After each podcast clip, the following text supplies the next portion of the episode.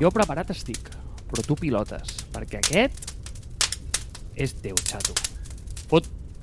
Tenim una llista, Àlex i jo, amb tots els episodis que volem fer, els temes, i aquest tema o sigui, està des del neolític. O sigui, està com dels primers.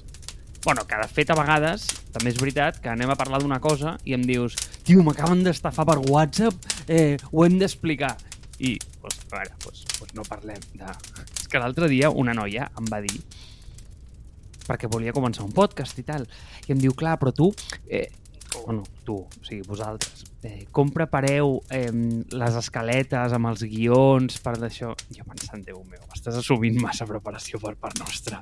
És a dir, si fos per part meva, igual en tindríem, però li vaig dir, tinc un cojos que o sigui, és tan brillant com desordenat. Llavors, li mira, és com que és impossible, ja ho deixem córrer i deixem que la cosa flueixi. I em diu, però, i sabeu de què parlar? I li dic, bueno, li dic, tenim opinions, tenim opinions. Així que el podcast de les opinions. I aquesta, a veure, eh, fa molt temps i m'agrada, eh? M'agrada perquè a sobre jo crec que no només t'has currat com el nom de l'ítem de l'episodi, és a dir, perquè moltes vegades eh, simplement posem vull parlar de això, això i això. Però no, aquest ja li has donat com el títol, no? Com li direm en aquest? La tirania del SAS és un concepte que m'estic eh, del qual m'estic apoderant perquè sembla ser que ningú està fent servir aquest, aquest concepte. No? Igual que deia que el nostre podcast s'hauria de dir desinformació d'actualitat, tot i que no sempre parlem d'actualitat, però bueno, sempre està bé eh, estar desinformat de coses. Avui també he pensat, com venies dient això de, de que sóc una persona molt des desendreçada, eh, que, i que tenim opinions, dic, sí, està bé, està... sempre pots suplir la manca de dades amb opinions molt fortes i molt convincents i des de que estic a internet, bàsicament, és el que veig que fa tothom. Tothom té opinions, ningú té ni puta idea de res, però sembla ser que les opinions calen en la gent i, i acaben convencent a les masses. Per tant, doncs, eh, si no pots amb el teu enemic, uneix-t'hi a ell, perquè són més forts, doncs, eh, doncs sigues tu també una miqueta com ells i a veure com et va. I això és una miqueta el que faig. El tema de la tirania al SAS és una cosa que li vinc donant voltes des de fa molt de temps i la vam introduir en algun episodi, perquè em sona haver parlat de la frustració de quan fas servir un software i de cop i volta et canvien tot. Val? O sigui, és moment, moment polla vella, comencem ja per aquí, no? Però eh, no t'ha passat que fas servir, tio, Spotify, per exemple, i de cop volta eh, et posen aquesta barra a la dreta de el, el, què estan escoltant els teus amics. Dius, no m'importa, saps? No vull saber. Segurament fa que vagi més lenta l'aplicació. I busques i no hi ha una opció de desactivar-ho. I dius, me cago en Déu. Has d'esperar mesos a que treguin una opció per desactivar-ho. No passa res. Quan t'acostumes, de cop i volta, ara et canvien els controls d'un lloc a l'altre. Et posen que l'algoritme fa tal cosa, et baixa la qualitat de l'àudio o te la puja per defecte, et comença a gastar més dades en el mòbil. Et fan tota una sèrie de canvis que segurament, segurament, i aquí et donaré la raó, tu que ets el, el, el, el mestre de les release notes, t'ho estan explicant. A cada versió t'estan dient, passarà això, hem canviat això, tal, tal, tal, tal, tal. Val? Però d'altra banda, tu dius, jo no ho he demanat. I no és un discurs no és un discurs de eh, jo vull tenir la meva app feta com jo, no, perquè tu estàs pagant un SaaS. I com a SaaS pagues, o, bueno, si és premium, primer ja no tens, no tens dret a queixar-te, perquè en realitat no estàs pagant per res. Val? Estàs donant les teves dades. Però això ja és un altre... Ja és un altre... Són, són eh, figues d'un altre paner. Però, per exemple, quan estàs pagant per un SaaS, val? a mi el que em fa ràbia és que el preu que acabes pagant amb els anys és molt més alt del que pagaves una vegada només per una llicència, per un software comercial de fa molts anys, però a sobre no tens cap tipus de control absolut sobre això. M'explico. Ah, no, no era un software comercial, però en el seu moment tenies el Winamp, no? I tu deies, em baixo la versió tal. I ja sempre, sempre parlo del Winamp perquè per mi era la paradigmàtica, no? I amb tal versió, inclús tu et desenvolupaves algun, algun plugin, t'agradava la interfície, feies l'update de la 2.95, que era la bona, a la 3, dius, va, la 3 està guai, però és massa cosa per mi, no funcionen els plugins que jo tenia, els meus 7 o 8 plugins, jo feia, feia streaming, no? feia com de, de DJ per gent al meu institut, eh, tenia plugins altres coses per mostrar les lletres de les cançons, per connectar-ho amb Music Brains, per taguejar-ho, pam, pam, pam, 50 coses, no? Canviar de versió era un drama, però tu et podies, dies, em quedo estable en una versió. I et quedaves a aquella versió i estaves estable i ningú tocava les pilotes. Val?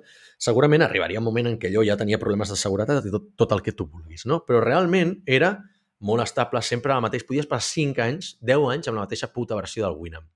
Dic el Winamp com podria parlar del Photoshop. Val? Pagaves la teva versió del Photoshop i amb allò ho tenies. Avui en dia estem pagant recurrentment per molt software, o sigui, per molts softwares, molta més pasta del que hauries pagat per una llicència one-off. Val?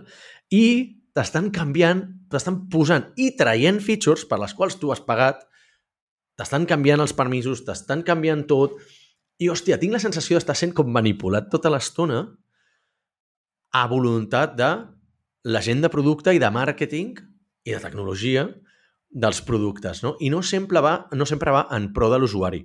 Jo crec que aquesta, aquest constant canvi és molt dolent a llarg plaç. Segurament és, ho necessiten aquests softwares per maximitzar els beneficis, per millorar la conversió, per entendre millor els seus usuaris, per, des del seu punt de vista, millorar l'experiència d'usuari, però, tio, a mi hi ha softwares que em tornen loco, saps? Nosaltres en fem servir una startup gran que es diu Bevi per gestió de, de la comunitat i, i el registre, el ticketing, totes aquestes merdes.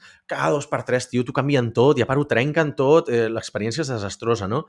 Spotify, tio, també cada dos per tres et canvia la interfície i dius, hòstia, però això on està, com es desactiva, per què m'han tornat a activar les notificacions quan jo les tenia des desactivades, i crec que, bueno, d'alguna manera estem subjectes a la tirania del SaaS en el que tu ja no controles el software, no tens cap tipus d'ownership del software pel qual estàs pagant.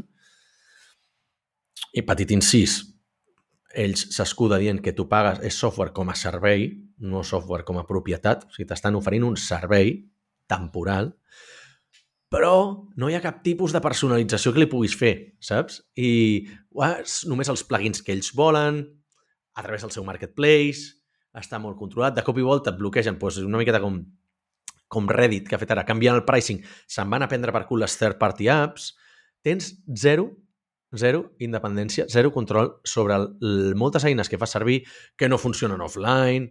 Tenen, cada cop li veig més desavantatges al SaaS i començo a, a sentir-me nostàlgic amb el software d'antes. Ara veig per on vas. No entenia la tirania del SaaS. Ara sí. I m'agrada. M'agrada. Perquè, perquè ets de producte. Sí, sobretot perquè és, és episodi de hate aquest, eh? Molt hate. Hi ha molt hate, però per tres o quatre empreses que dic és que ho canvien tot. Cada dos per tres estic fins les pilotes. però bueno. Ui, sí tinc opinions d'això. Mira, jo quan era jovenet, que era un autèntic imbècil, moria per això m'encantava. Cada vegada que em canviaven alguna cosa, m'anava al lavabo, eh? A fer-me una palleta, eh? Ai, mira, han canviat una cosa, que guai, ho vaig a provar, això és nou, tal, no sé què. Perquè, de nou, quan era petitó, quan era jovenet, era imbècil. Val? Llavors, aquestes coses m'agradaven. Mm. Cada vegada més, quan em canvien una cosa, penso exactament igual que tu i dic, xato, jo no ho he demanat, això, val? O sigui, amb quin permís ara m'has canviat això? Llavors, clar, no és un tema que tu puguis triar, perquè el SAS, que tant ens agrada, ah, no, és que és 9,99. No pots fer res, perquè no hi ha la versió antiga del 9,99. No pots pagar 9,99 i tenir la versió 1 quan ara han tret la 27.3. Val? Llavors, això, que ho veus molt amb el SAS, perquè té molt sentit, no? Perquè és la naturalesa del software, que és molt maleable, ho entenc, ho entenc, ho entenc, ho entenc. O sigui, creieu-me que m'hi dedico. No, no, no, no vinc desinformat a la conversa, malgrat no entenia de què collons volies parlar. Però quan tu compres una cadira, al cap de dos mesos el senyor de la botiga de mobles no et ve a picar a casa i te la canvia i et posa un tamboret. No, no, tu has comprat una cadira. Clar, Àlex, tio, o sigui, és que tu has comprat una cadira i ja ho sé que no li estàs pagant al senyor de la cadira, no li estàs pagant eh, pues això, pues 9,99 al mes per poder seure. No, gràcies, és una cadira. Però si aquella cadira treuen un nou model, que ho entenc, està bé, però és que igual m'agrada la que tinc, saps? I abans com et dic, abraçava el canvi, m'encantava quan hi era, però ara és que el defujo, el defujo. I quan algú em volia vendre una app, pensava, hòstia, tio, en sèrio, no puc pagar-te 9,99 i me la dones igual? Ara, quan veig el 9,99, veig, saps que està mort per mil tallets? Sí. Doncs pues això, doncs això és el que veig. Llavors veig el que t'has de fer és una llista amb totes les subscripcions que tens, que jo òbviament tinc, eh? Jo tinc aquesta llista. No ho si dubtava, no... Marc, no ho dubtava. Home, per favor, per favor. Vols que te la canti o no? Perquè és molt ràpida. Oh, endavant. Ah, la, és que clar, la tens, la tens... Segurament la tens en una nota a l'escriptori per veure-la cada dia. Et veig mm. sent així. No. Tinc, però pràcticament, eh? Pràcticament. Vinga, vull dir, és... canta, canta. Apple Notes, vull dir, és entrar aquí, vull dir que ja estava obert, vull dir, llistes, eh, subscripcions, Val. eh? Ui, és que acabaré molt ràpid, eh? Crec que, vas... Crec que se t'està anant, eh? Val, a veure. Vaig ràpid, d'acord? Una és One Password. Mira, Necessària. Exemple paradigmàtic de la tirania del SAS. Atenció, eh? One Password era una aplicació meravellosa en la seva versió 7.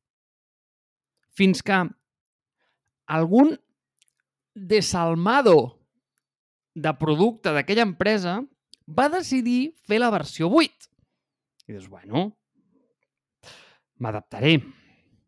Però el que no et compro és que la versió 7 resulta que era una aplicació nativa per Mac que ocupava 30 megas i la versió 8 és una puta merda de barco Electron mm, que ocupa 27 giga ordinadors, ¿vale? Llavors... giga ordinadors, boníssim. No ho sé, tio. O sigui, per què? Entres a Reddit i Eh, jo crec que aquesta penya, com power users, n'ha perdut molt per, per culpa d'això. Hi ha molta gent enfadada contra l'Electron, eh? I no m'estranya, perquè és que des d'un punt de vista... Des d'un punt de vista de producte, fer una app amb Electron, a veure, jo ho entenc, no? Vull dir, tu, eh, aquí tu tens uns dinerets i la vols tenir amb totes les plataformes al mínim cost possible. Vale, gràcies, però... Però One Password, tio, tenen melons, eh, per gastar. Vull dir, no... Clar, però dius, vale, qui fa apps Electron? Diu, és que es fa tot Déu. Dius, escolta, xato, eh, anem a dir-ho d'una altra forma. Mm, WhatsApp no podria destinar uns quants enginyers eh, a fer una aplicació nativa per Mac? Allò per provar-ho, eh? Vull dir, per, per fer alguna cosa eh, no sé, mm, Visual Studio Code no té recursos suficients com per fer aquesta aplicació nativa per Mac en lloc de fer una aplicació Electron, que ho entenc, entenc, entenc, entenc, entenc per què ho fan així, eh? però és que clar, llavors et poses a pensar i és que ostres, és que no m'estàs donant un motiu per fer-la servir. És que per això, és que ja me'n vaig a la, a la web. Slack, tres quarts del mateix. Notion, tres quarts del mateix. Tio, en sèrio, no, no teniu recursos per fer una aplicació de Mac dedicada? De veritat que no? A veure, que, que, que sé per on està el tema, eh? Però, en fi, eh, anàvem per One Password. Vam fer la versió 8 i em van Cagada. posar mm, eh, exacte, aquesta espècie de mamut i funciona molt malament. O sigui, funciona molt... O sigui, ara cada dos per tres de posar el master password, quan abans ens recordava, no sé què, també treuen, cada cop que reinicies el mòbil has de tornar a activar que pots validar-te amb Face ID, perquè no et recorda aquesta preferència, no sé, hi ha com mil, mil bugs petits, no? Death by a Thousand Cuts, també. Què més tens? Llavors, tu què vols? Tu què vols? Tu el que vols és tornar a la versió 7, però llavors ja és delicat, perquè llavors ja no tens compatibilitat amb no sé què, eh, fer-ho amb l'iPhone, que evidentment es va versionant i no pots quedar-te amb la versió antiga, es fa difícil, un merder, un merder. Aquí tenim una. Segona, subscripció. I aquesta, saps per què la tinc?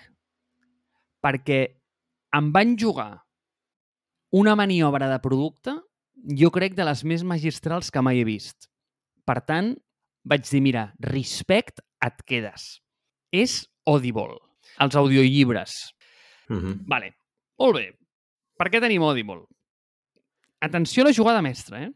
Hi havia un moment que no estava acumulant crèdits. La manera com funciona Audible és que tu pagues eh, 14,95 al mes i ells et donen un crèdit cada mes. Llavors pots llegir o escoltar vaja, un llibre cada mes. Perfecte.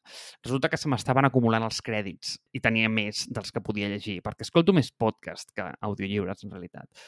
Però vaig anar a cancel·lar-ho, val? Bueno, òbviament vaig entrar en el camí del diable de la cancel·lació, com pots entendre, que és aquesta en què eh, et pregunten 27 vegades si estàs segur, i sí, estic segur, val? estic molt segur. M'ho van tornar a preguntar si estava segur, i li vaig dir que sí, que estava seguríssim, fins que em van preguntar el motiu, llavors un dels motius, evidentment, era perquè se t'estaven acumulant els, els crèdits i no ho feies servir prou. Vale.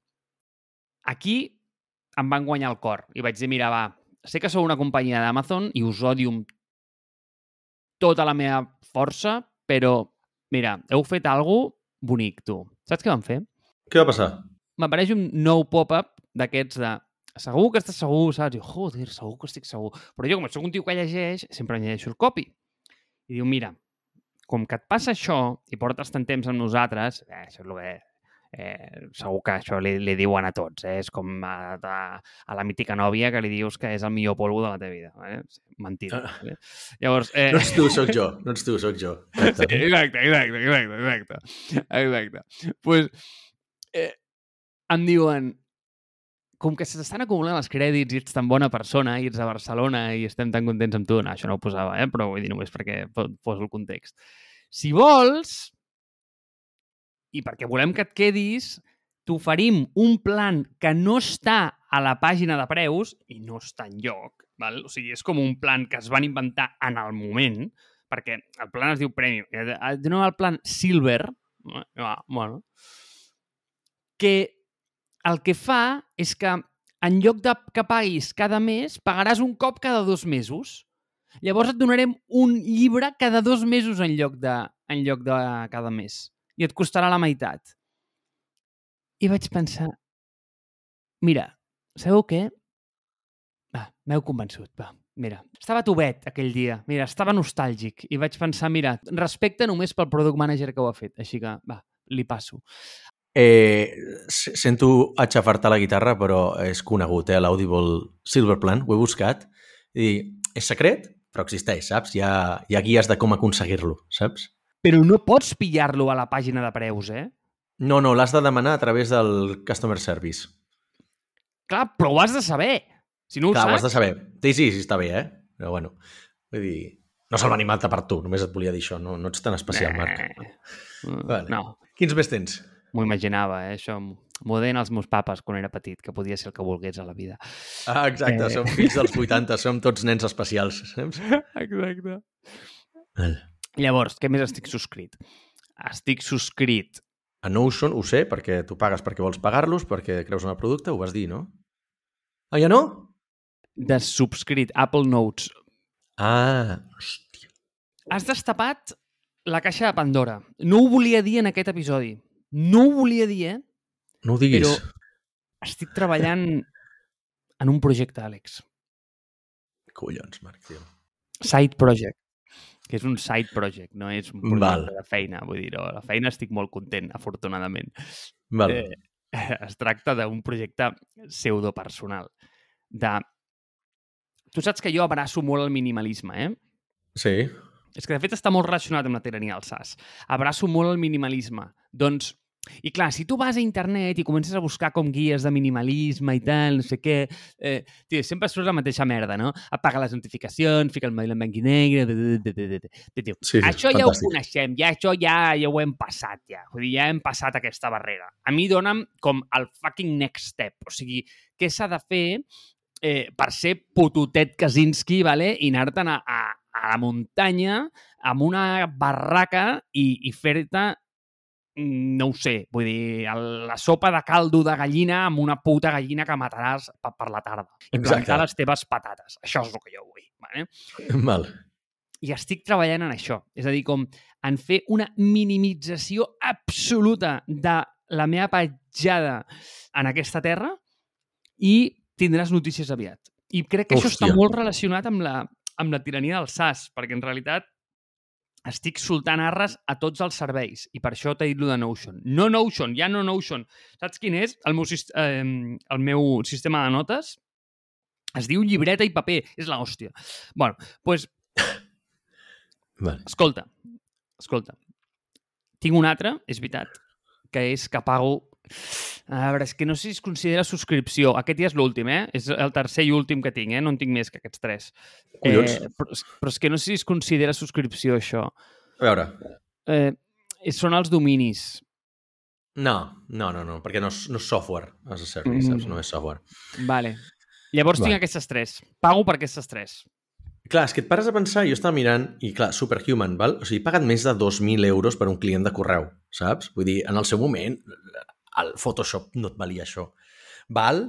O sigui, jo entenc que és un valor que està diluït en el temps, que, que estàs pagant per la conveniència de no pagar-ho tot de cop, val? i que el software mai acaba, i que en realitat hi ha els costos de, de computació de cloud, que abans no els tenies, perquè tu feies servir els teus recursos, no els de la- no els de l'empresa que et proveeix aquest servei, etc etc.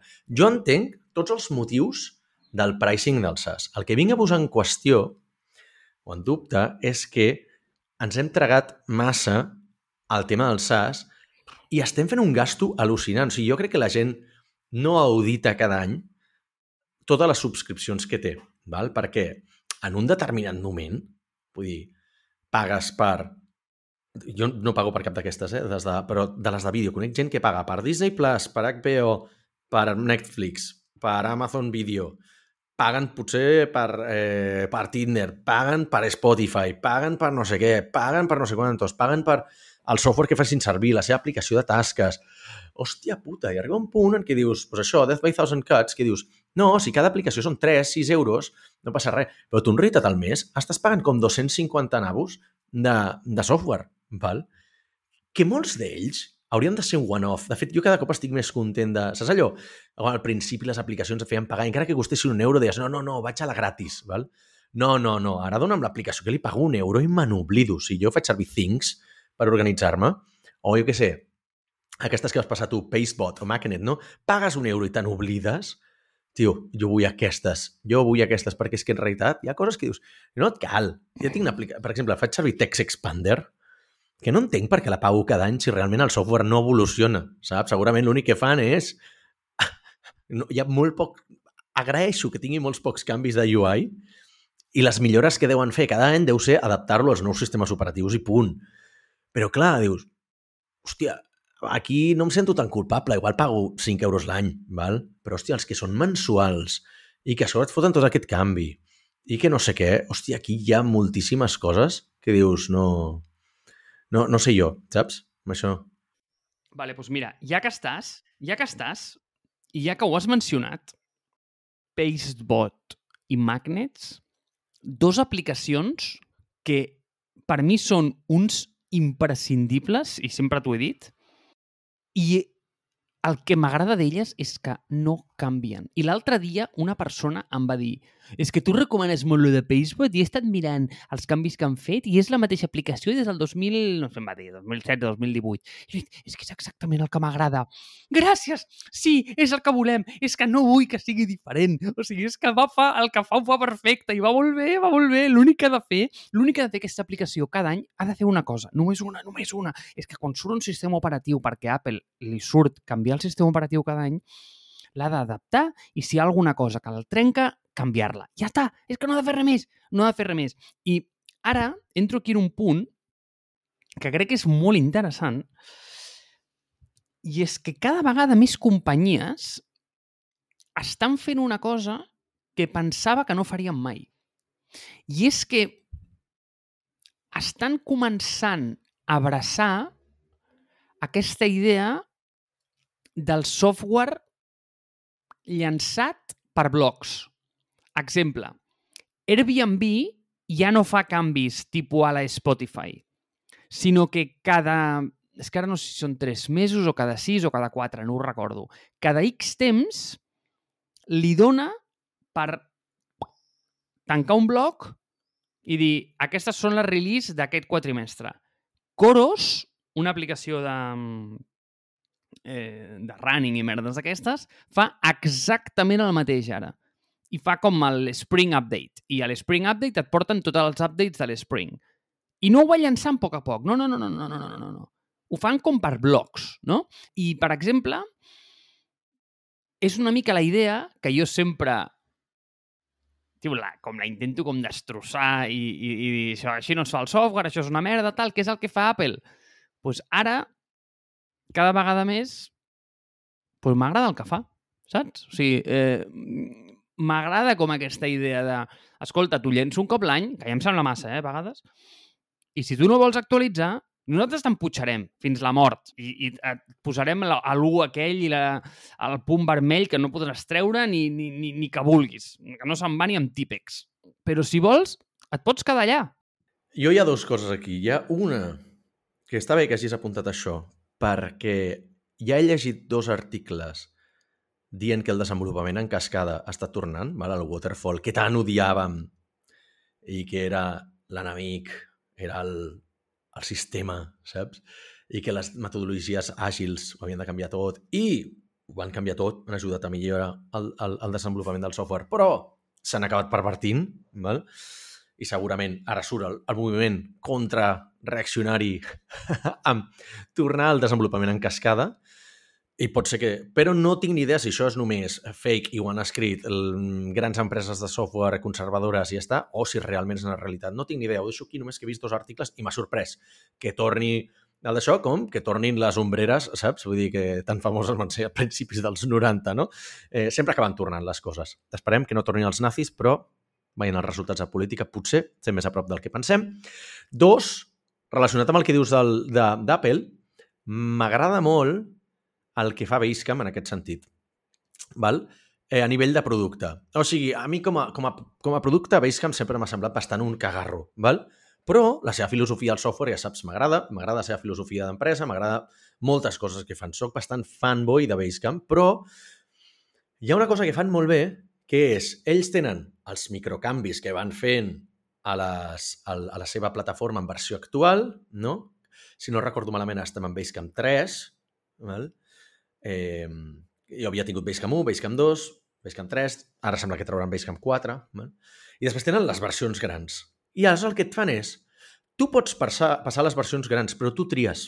Pots quedar-te de per vida a les versions anteriors i es van mantenint, es van actualitzant. Molt poc, mínim, segurament és keeping the lights on, però arriben a un punt de perfecció en què ja no els hi cal fer res més. Val? O sigui, realment només s'han d'adaptar als nous navegadors una miqueta i segurament en fer una miqueta de manteniment eh, bàsic cada X mesos en tenen prou perquè arriba un punt en què ja has depurat tots els bugs val? Del, del, del sistema. I a mi això m'agrada molt, tio, em flipa i crec que més empreses ho haurien de fer. No et dic que es pugui fer amb tot, segurament només ho pots fer amb empreses que tenen els valors de Basecamp i que són completament bootstrap i que són completament eh, rendibles i, per tant, poden fer el que els hi surt dels absoluts ous i no han de forçar gent a passar pel funnel de conversió perquè els VCs i el board els hi obliguen a tenir unes mètriques, unes KPIs d'optimització, de profit per l'usuari, no sé què, i anar millorant i creixent sempre a quin cost? El cost de la usabilitat. Val? I aleshores aquí també doncs, una crida. Mireu el model de Basecamp. Segurament costa, és difícil de mantenir, no és utòpic, eh, però tampoc ha de ser tan complicat tu tens allà, cada cop hi haurà menys usuaris perquè la gran majoria... Nosaltres vam passar de la versió 2 a la 3. Ens vam resistir bastant perquè la 2 anava molt bé. I la 3 li faltaven moltes coses, però ja tenia una cosa que, que molt painful que la resolies amb la 3 i vam dir, val, perdem això, però guanyem tota, per exemple, guanyaves la gestió de clients i van fer la part de que tu podies tenir clients a Basecamp i ells veien unes coses i tu unes altres. Hòstia, és que això és boníssim. Això era tan bo que et forçava. Tu, a mi el que em fot és forçar el canvi sense aportar cap tipus de valor. Val? Valor que només t'aporta tu. Però quan el que has de fer és incentivar el canvi aportant-li un valor incalculable a l'usuari. En aquest cas, per nosaltres és un valor incalculable i ens va valer la pena migrar de la versió 2 a la 3. De la 3 a la 4 ja no ho veurem perquè hem deixat d'usar Basecamp, val? però jo sé de gent que encara està fent servir la versió 2 i em sembla que estan fent versió, la versió 1 i tenen software que van discontinuar Basecamp, com Campfire, Highrise i altres plataformes que encara els mantenen.